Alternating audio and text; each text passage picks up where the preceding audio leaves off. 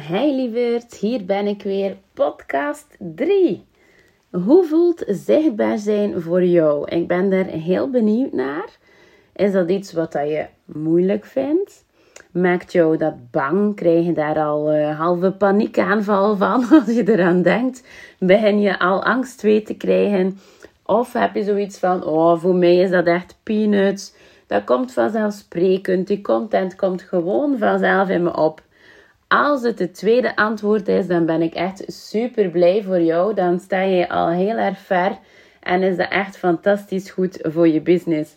Ben je bij antwoord 1, dan is dat ook helemaal niet erg, want ik kan me nog heel goed herinneren hoe het voelde toen ik voor de eerste keer mijn eerste onderneming wou lanceren op sociale media. Oh oh, angst, zweet tot en met. Ik had mega veel stress. Ik was ook gewoon enorm onzeker en was vooral bang wat dat de mensen gingen zeggen. Want zo was ik wel.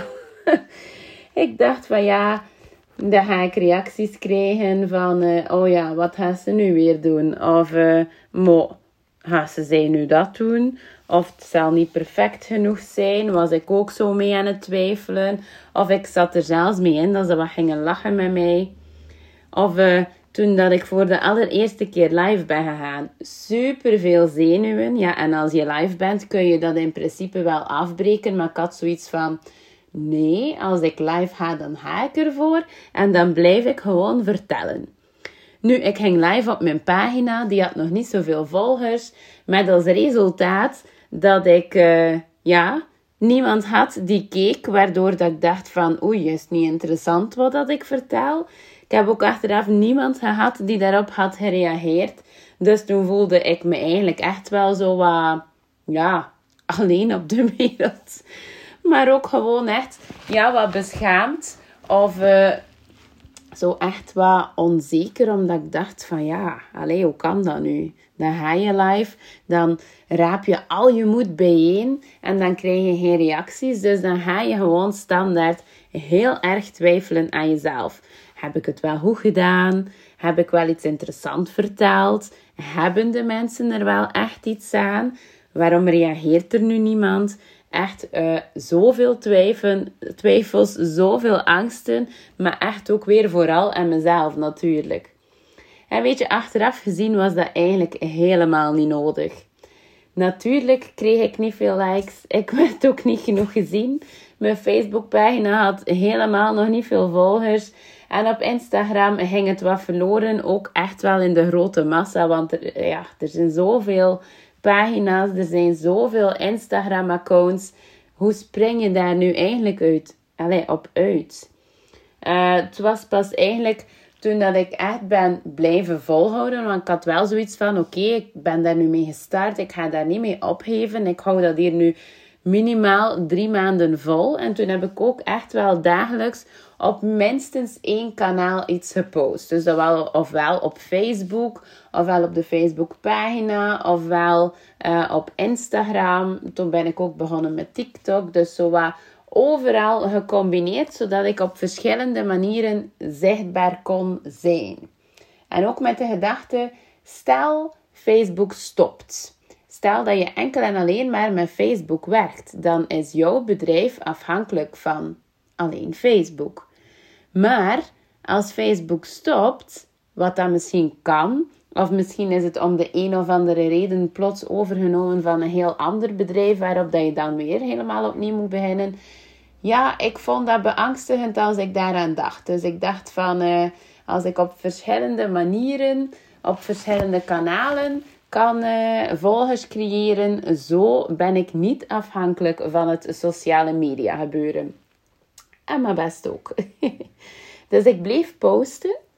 En uh, ja, ik bedoel daarmee niet gewoon een gezinsfoto of niet gewoon uh, even een foto van een bloemetje in de tuin, maar echt wel waarde geven. Tonen aan de grote massa waarin dat jij uniek bent, waarin dat mijn kracht is. Pas toen ben ik eigenlijk beginnen met zichtbaar worden. Dus ik ben het echt wel die hard blijven volhouden. Ik en mijn vrouw zijn toen samen een Facebook community begonnen. Um, ja, ons vorige bedrijf was uh, Fitte Tips voor mama's met jonge kinderen. Dus zo heette onze Facebookgroep. Ondertussen is die ook overgegaan. Mijn vrouw heeft die alleen overgenomen en die is nu uh, helemaal bezig met innerlijke rust. Dus heb je nood aan innerlijke rust, ga er zeker een keer op kijken. Nu, die groep hebben wij opgebouwd, die, uh, ja, ik denk ergens in een zes maand tijd, tot uh, bijna duizend leden. Dus als je weet dat je duizend gratis leads in een groep kunt krijgen, hoe cool is dat, ladies? Echt waar. Ik was zo fantastisch fier op wat ik toen had bereikt. Dat was echt ook een, een leuke Facebook community waarin dat er heel wat reactie kwam. Waarin dat er ook mama's echt wel tips vroegen. Die echt ook wel ons wisten te vinden. Die ook altijd aanwezig waren op challenges. Die, die echt wel super leuk vonden om mee te doen. Dus uh, echt wel ja, een superleuk gevoel. Hè? Je werd gezien. Je werd herkend, er werd van overal geroepen. Ergens op Facebook, als er dan in een andere mama-groep een vraag werd gesteld, dan werden wij daarin getagd. Dus allee, dat is echt wel een fantastisch leuk gevoel. We hadden ook heel veel klanten, dus we hadden veel mama's die we ja, hielpen eerst en vooral de rust in hun gezin terugvinden, maar ook wel de zwangerschapskilootjes kwijt te raken en op een makkelijke manier eigenlijk eh, de hele combinatie te doen met hun gezin. Dus dat was ons eerste bedrijf. Dat is heel succesvol geworden. Ehm, en dat succes, alles wat dat ik daaruit heb geleerd van een onzichtbaar ergens probeersel individu naar een heel zichtbaar, zelfzeker persoon, dat wou ik eigenlijk gaan meenemen. En ik voelde iets in mezelf van neem die passie mee, trek dat door. Haat die vrouwen, haat die coaches, die therapeuten, die vrouwelijke ondernemers gaan ondersteunen en ga ze gaan leren hoe dat ze van onzichtbaar naar zelfzeker zichtbaar kunnen zijn. En dat heb ik dus ook gedaan. Ben ik nog altijd heel hard mee aan de slag, uiteraard.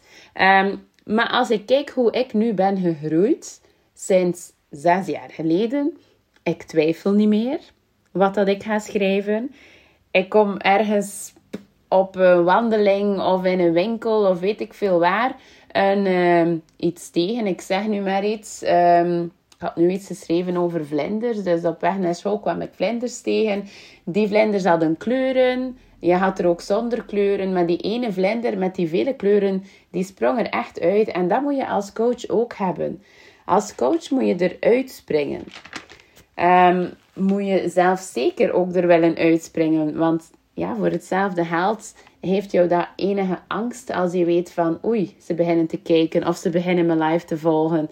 En dat is ook wel even spannend, die ladies. Ik wil dat niet onder stoelen of banken steken. Maar als je dan ziet dat dat iedere week begint te groeien, dat je iedere week begint meer mensen te inspireren en dat je iedere week een nieuwe klantenflow krijgt, hoe fantastisch zou jij je dan voelen?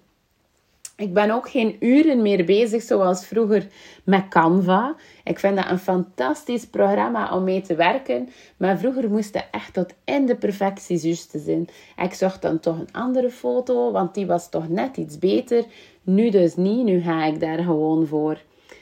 Nu, als je weet waar je passie ligt en als je van daaruit leert spreken, van daaruit leert vertellen en dat leert doorgeven aan anderen, dan word je zichtbaar met vertrouwen. En als coach willen we ook ja, zo vaak heel veel verschillende mensen helpen. En dat is dan wel weer iets dat ons kan, ja, net weer wat naar beneden trekken. Want hoe meer verschillende soorten mensen we willen helpen met verschillende problemen, hoe meer onzichtbaar dat we zijn. En dat beseffen we net te weinig. Want als je denkt, Mensen beginnen je te volgen omdat je bijvoorbeeld, uh, ik zeg maar iets, self-love coach bent. Dus mensen willen je volgen voor innerlijke rust. En plots begin je te vertellen over diëten. En plots begin je te vertellen over sporten.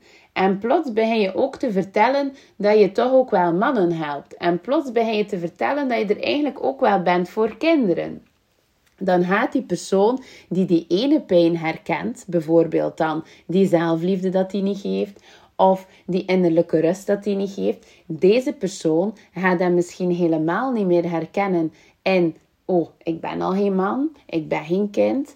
Maar ook zeker bijvoorbeeld niet in, oh ja, ik heb eigenlijk totaal geen zin in van dat healthy gedoe of om te sporten. En dan gaat onze ideale klant weg. Omgekeerd ook, die andere mensen die hun daar aan één punt voelen aangesproken, voelen hun ook niet aangesproken in de rest. Dus je wordt verloren, je gaat weg, je verdwijnt. Dus de tip voor vandaag is: zet je focus op één pijn die jij wil oplossen bij jouw klant. Heb je hier ja, problemen mee of weet je niet goed welke pijn dat er nu echt het grootste is, dan mag je me zeker altijd een berichtje sturen, uiteraard. Ik help jou heel graag verder zoeken. Tot de volgende. Dada!